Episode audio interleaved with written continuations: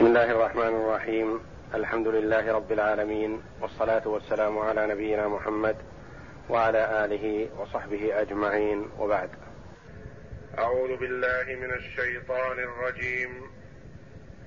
من اهتدى فإنما يهتدي لنفسه ومن ضل فإنما يضل عليها ولا تزر وازرة وزر أخرى.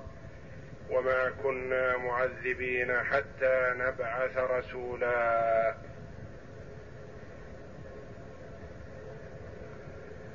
يقول الله جل وعلا من اهتدى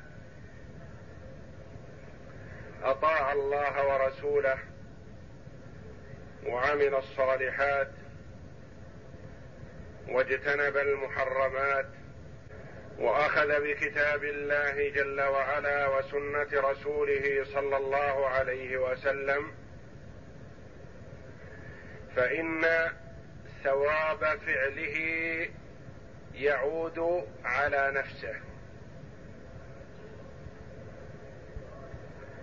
ثواب هدايته واستقامته وفعله الطاعات واجتنابه المحرمات يعود على نفسه. لأن الله جل وعلا لا تنفعه طاعة المطيع كما لا تضره معصية العاصي. ومن ضل حاد عن الصراط المستقيم ولم يمتثل أمر الله جل وعلا ولا أمر رسوله صلى الله عليه وسلم وتكبر وتعاظم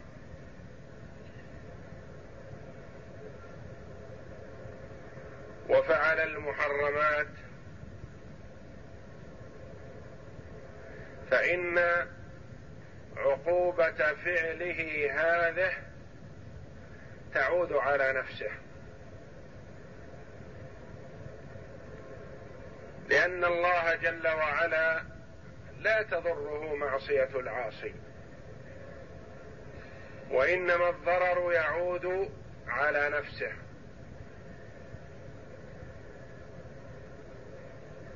وهذا بيان من الله جل وعلا لعباده بأن طاعة المطيع له. ومعصية العاصي عليه. فأنت تجتهد في الطاعات لنفسك.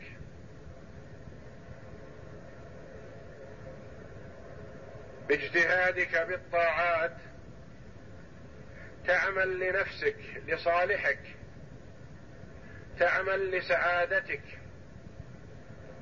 تعمل لراحتك.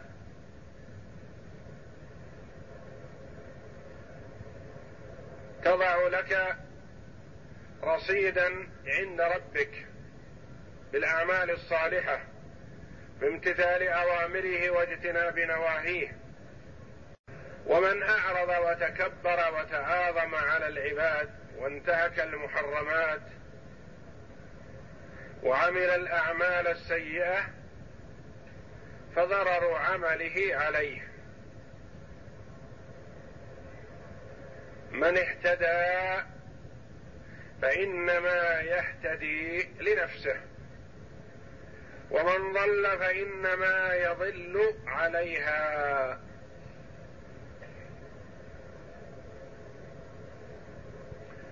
ولا تزر وازرة وزر أخرى.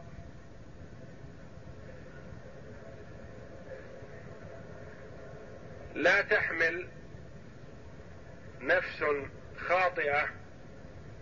واقعة في الازر لا تحمل وزر غيرها. بل لا تحمل إلا وزرها.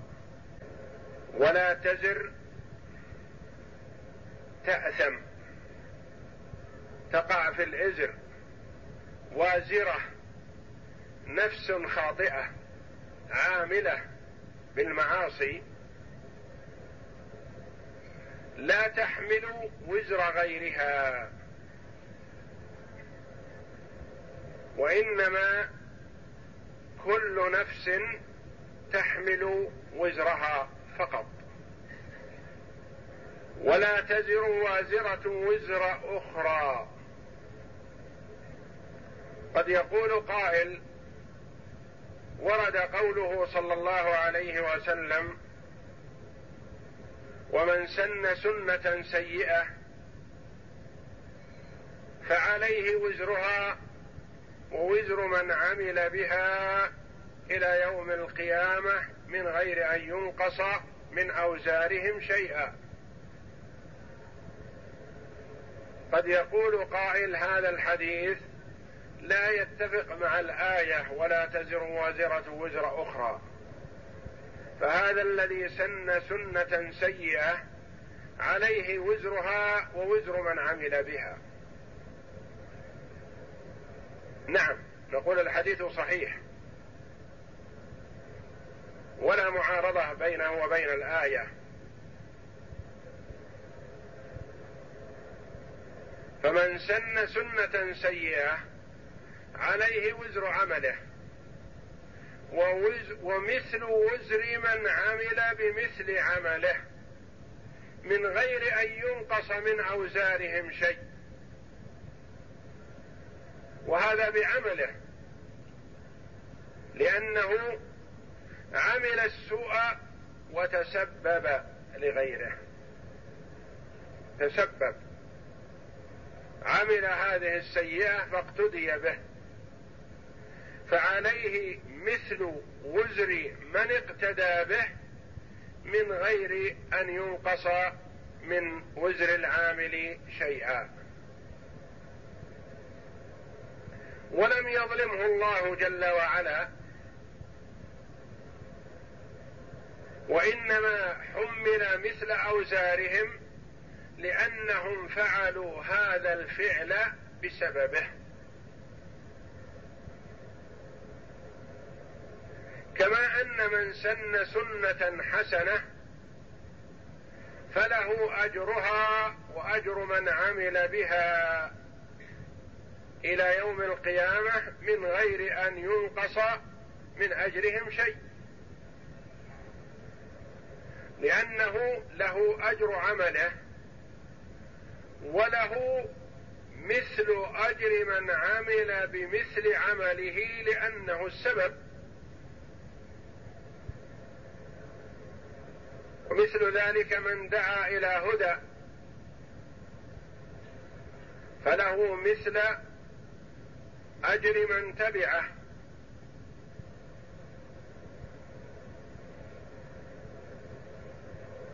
فالمتسبب والداعي إلى الشيء أجر لفعله السبب. أو أثم لفعله السبب.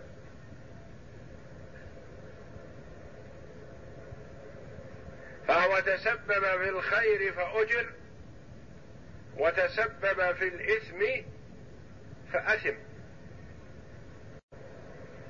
ومثل ذلك قوله جل وعلا وليحملن أثقالهم وأثقالا مع أثقالهم. هؤلاء المجرمون الدعاة إلى الضلالة فيحمل سيئاته ويحمل مثل سيئات من اقتدى به في السوء. وكما قال الله جل وعلا ومن أوزار الذين يضلونهم بغير علم لأنهم أضلوهم فتسببوا في ضلالهم فحملوا فحملوا مثل أوزارهم. ولا تزر وازرة وزر أخرى.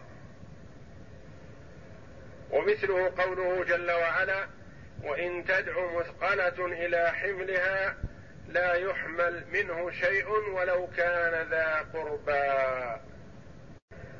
وما كنا معذبين حتى نبعث رسولا. يقول الله جل وعلا بأنه يحكم جل وعلا فيعدل وهو أعدل الحاكمين وهو جل وعلا لا يظلم الناس شيئا. ولا يعذب أحدا إلا بذنبه. ولا يعذب أحدا إلا بعد قيام الحجة عليه.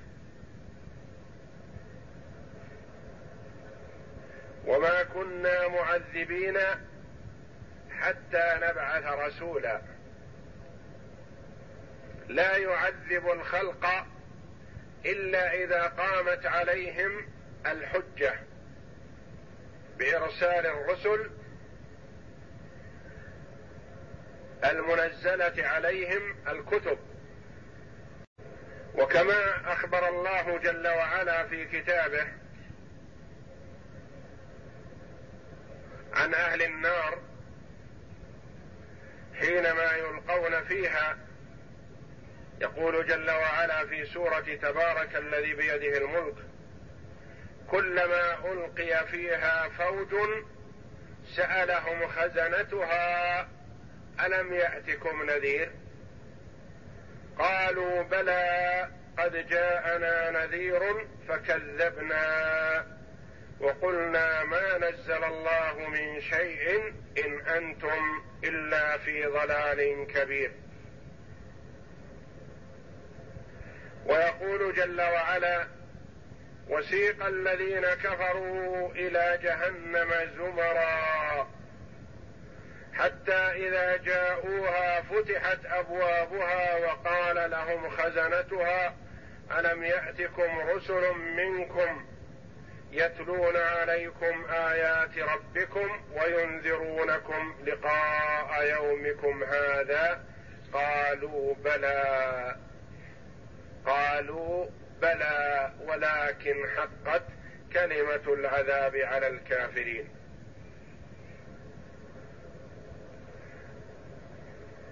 فكل من ألقي في النار تسأله الخزنة ألم يأتكم نذير؟ قالوا بلى قد جاءنا نذير فكذبنا.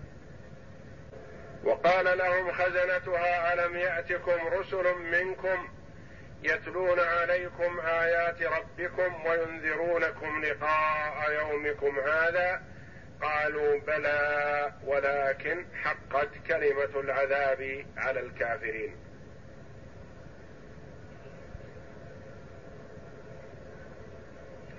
وأخبر الله جل وعلا عنهم بقوله وهم يصطرخون فيها أي في النار. ربنا أخرجنا نعمل صالحا غير الذي كنا نعمل. أولم نعمركم ما يتذكر فيه من تذكر؟ يرد عليهم. حينما يسألون الرجعة بقوله أولم نعمركم ما يتذكر فيه من تذكر وجاءكم النذير؟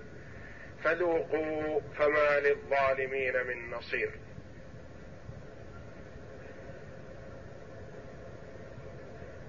فالله جل وعلا لا يعذب أمه لا في الدنيا بالهلاك والعذاب ولا في الآخرة في جهنم حتى يرسل الرسل وتقوم الحجة على الخلق.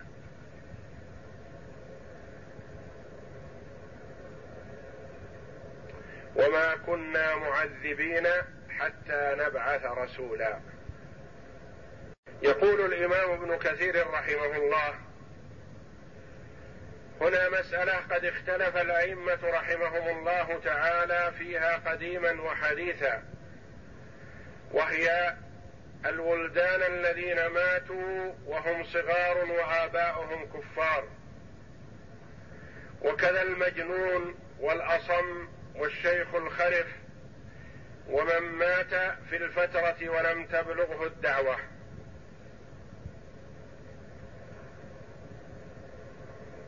هؤلاء اختلف العلماء رحمهم الله فيهم.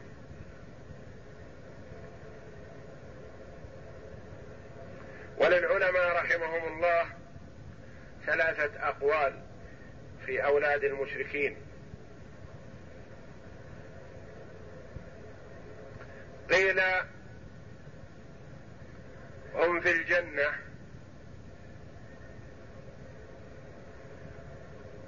فيها منعمون أو هم خدم لأهل الجنة. وقيل هم في النار. وقيل يمتحنون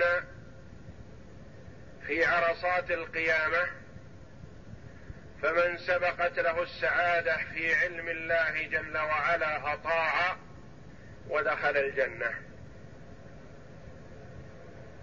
ومن سبقت له الشقاوة في علم الله جل وعلا عصى ودخل النار.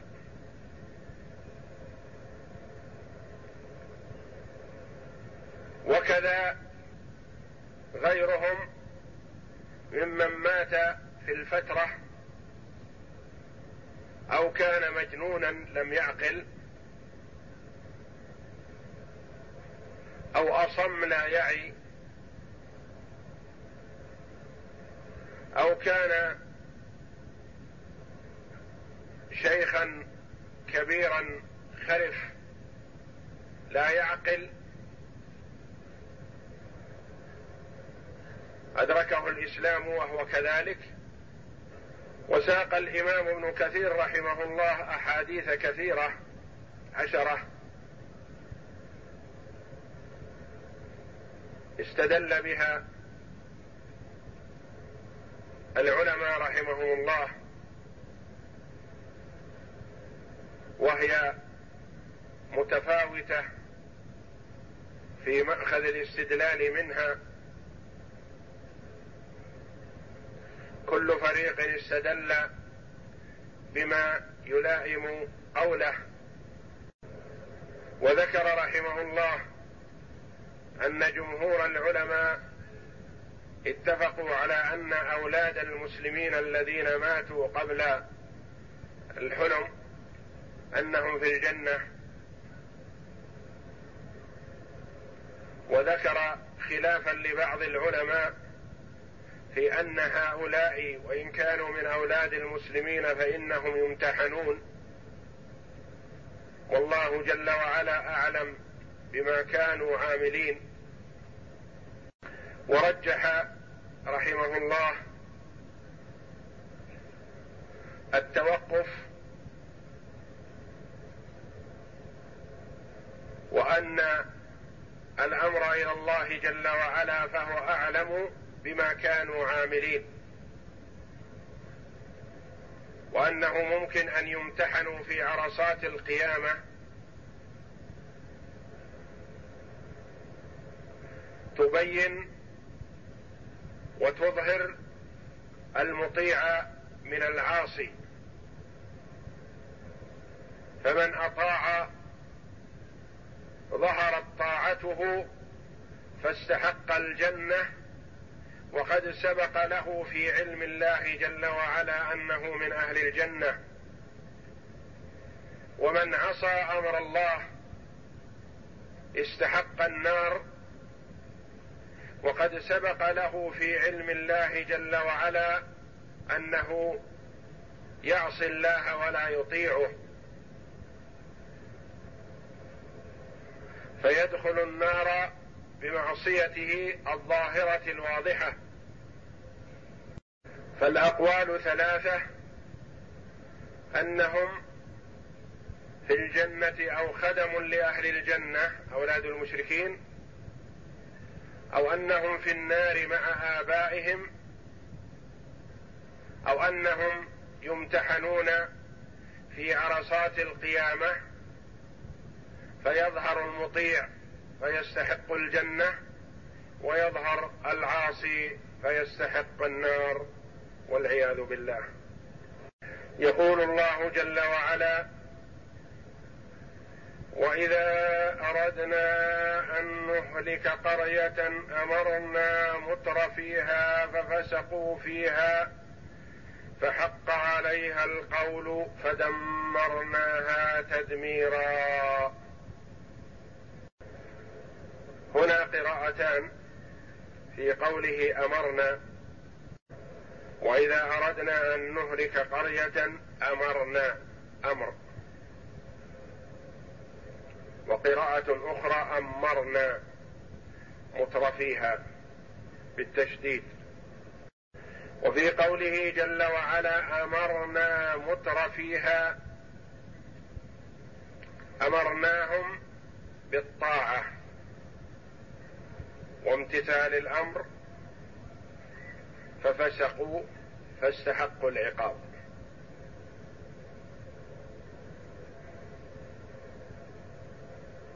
قول ثاني لبعض المفسرين أمرناهم أمرا قدريا بالفسق ففسقوا فاستحقوا العقاب. امرا قدريا لا امرا شرعيا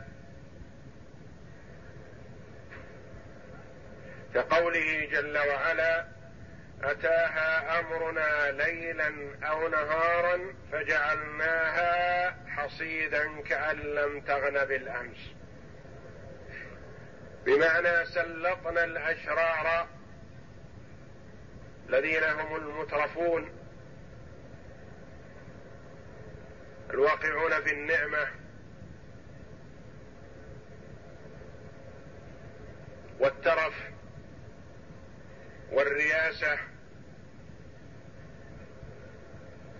فتسلطوا في الإفساد في الأرض فاستحق الجميع الهلاك لأن المعصية إذا خفيت فإنها لا تضر إلا صاحبها. وإذا ظهرت المعصية ولم تغير عمت الصالح والطالح. وكما قالت أم المؤمنين رضي الله عنها ميمونة يا رسول الله أنهلك وفينا الصالحون؟ قال نعم إذا كثر الخبث. فإذا كثر الفساد من المترفين وأولي النعمة والسلطان وأفسدوا في الأرض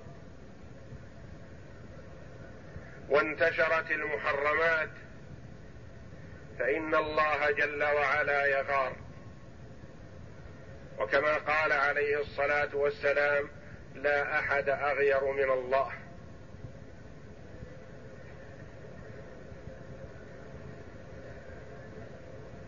فيسلط الله على القوم وينزل بهم العذاب الأليم ويبعثون على نياتهم.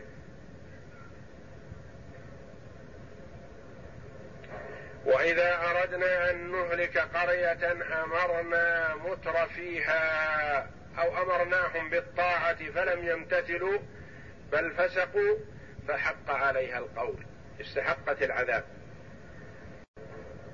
فالبلاد تستحق العذاب بالفسق والفجور إذا فسق أهلها إذا كثر فيهم إظهار المنكر وقل مغير المنكر.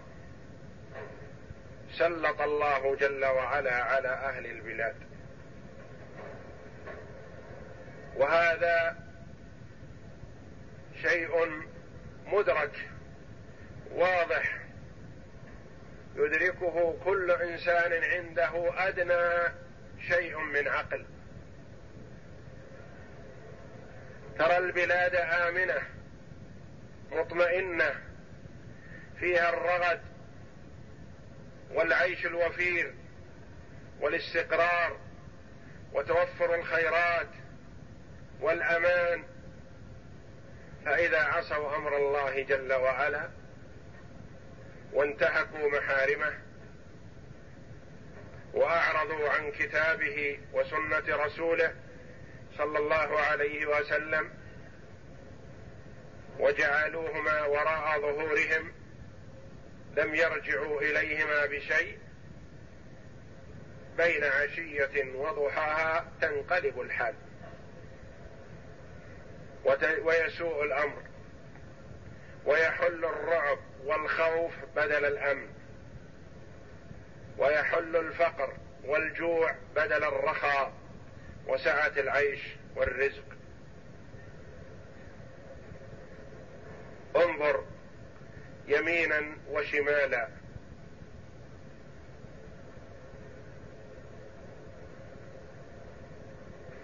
فالنعم تدوم بالشكر والمحافظة عليها والاستعانة بها على مرضاة الله جل وعلا وصرفها فيما وجدت له.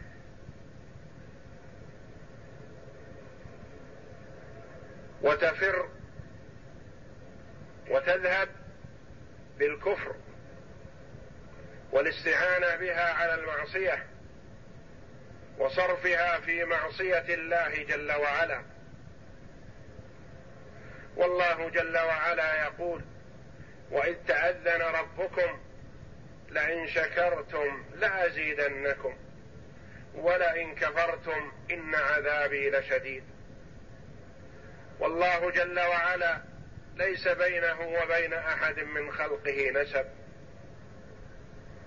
من أطاع الله جل وعلا فله الخير والسعادة في الدنيا والآخرة. ومن عصى الله جل وعلا فلا يلومن إلا نفسه. يعجل الله العقوبة في الدنيا قبل الآخرة. وإذا أردنا أن نهلك قرية القراءة الأخرى أمرنا متر فيها ففسقوا فيها. أمرناهم. جعلنا المترفين هم ولاة الأمر وبيدهم السلطة والأمر والنهي فيفسقون ويعرضون عن طاعة الله ويصرفون الناس عن الحق بفعلها. والله جل وعلا لا يظلم عباده وإنما العباد يظلمون أنفسهم. فحق عليها القول فدمرناها تدميرا. وفي معنى أمرنا جعلنا لهم الإمارة أو أمرنا كثرنا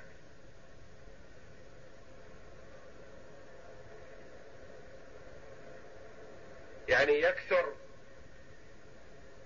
الفساق في البلاد فتستحق العقوبة لكثرة الفسق ولعدم إنكار المنكر. والمنكر يوجد ووجد في عهد النبي صلى الله عليه وسلم. وجد من وقع في المحرمات في عهد النبي صلى الله عليه وسلم. وجد من رجم في الزنا ومن جلد في الخمر ومن قطعت يده في السرقة.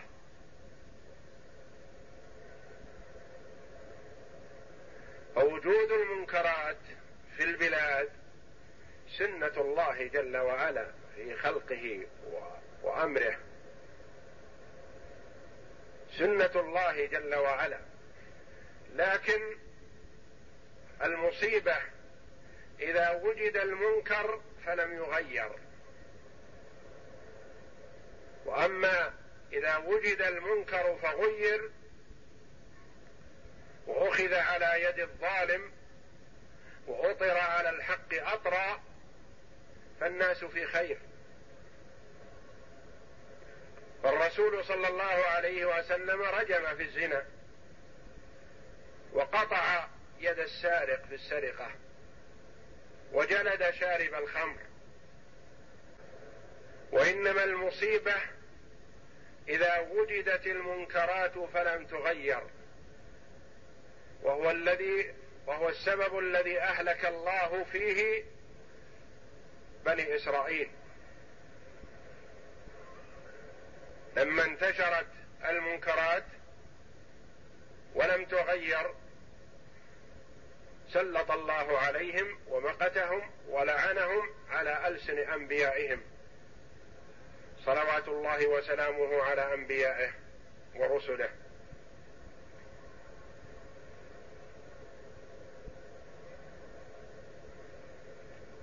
فالواجب إذا رأى المسلم المنكر أن يسعى في تغييره بالرتبة التي هو من أهلها. لأن الله جل وعلا لطف بعباده ولم يجعل تغيير المنكر على مرتبة واحدة. يأثم المرء بعدم الأخذ بها وإنما جعلها على مراتب وكل مكلف بالقدر الذي يستطيعه. الإنكار باليد وهذا لولاة الأمر ولمن فوضوا ذلك إليه. ممن أسند إليه الأمر والنهي.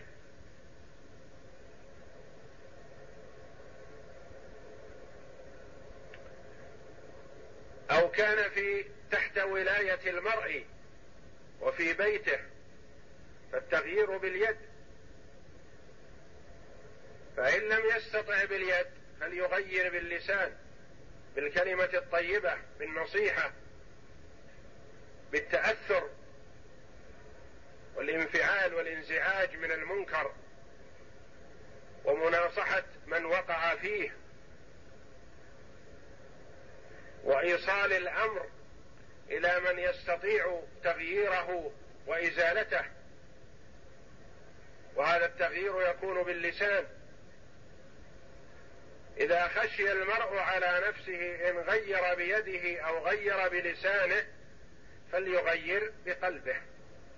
يكره المنكر وصاحبه ويبغضه ويبتعد عنه ولا يجالسه ولا يوانسه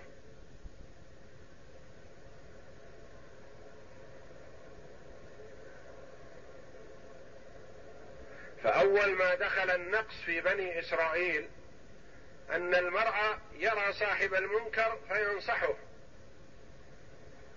ثم يلقاه من الغد على حاله فلا يمنعه ذلك أن يكون أكيله وقعيده وشريبه وجليسه.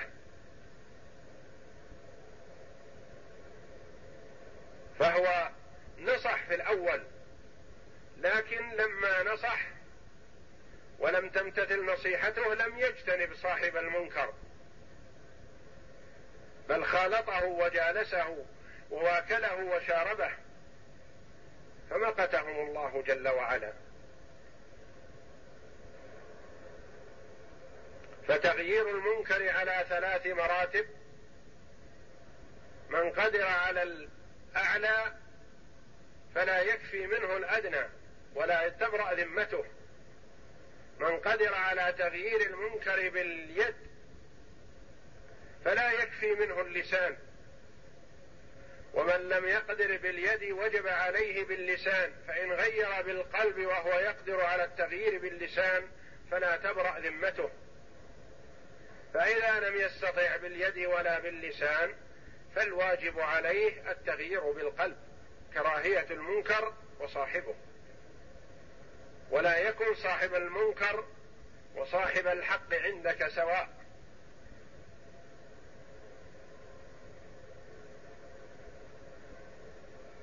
والله جل وعلا يحذر عباده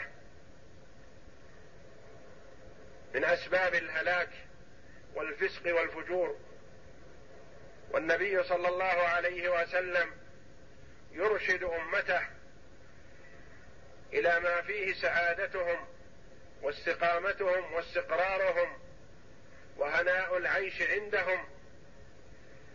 من رأى منكم منكرا فليغيره بيده فإن لم يستطع فبلسانه فإن لم يستطع فبقلبه وذلك أضعف الإيمان التغيير بالقلب. ليس بعده شيء. وفي رواية ليس بعد ذلك من الإيمان حبة خردل. إذا لم يغير المنكر بقلبه إذا لم يكره المنكر فدليل على أن قلبه خال من الإيمان والعياذ بالله. والنبي صلى الله عليه وسلم كان يغير المنكر بيده وبلسانه فهو عليه الصلاة والسلام لما رأى بعض النسوة خرجنا تابعات للجنازة. قال عليه الصلاة والسلام ارجعن مأزورات غير مأجورات. ولم يؤخر صلى الله عليه وسلم البيان عن وقت الحاجة بل أرجعهن في أثناء الطريق. ولم يتركهن على طريقهن لينبه على ذلك فيما بعد.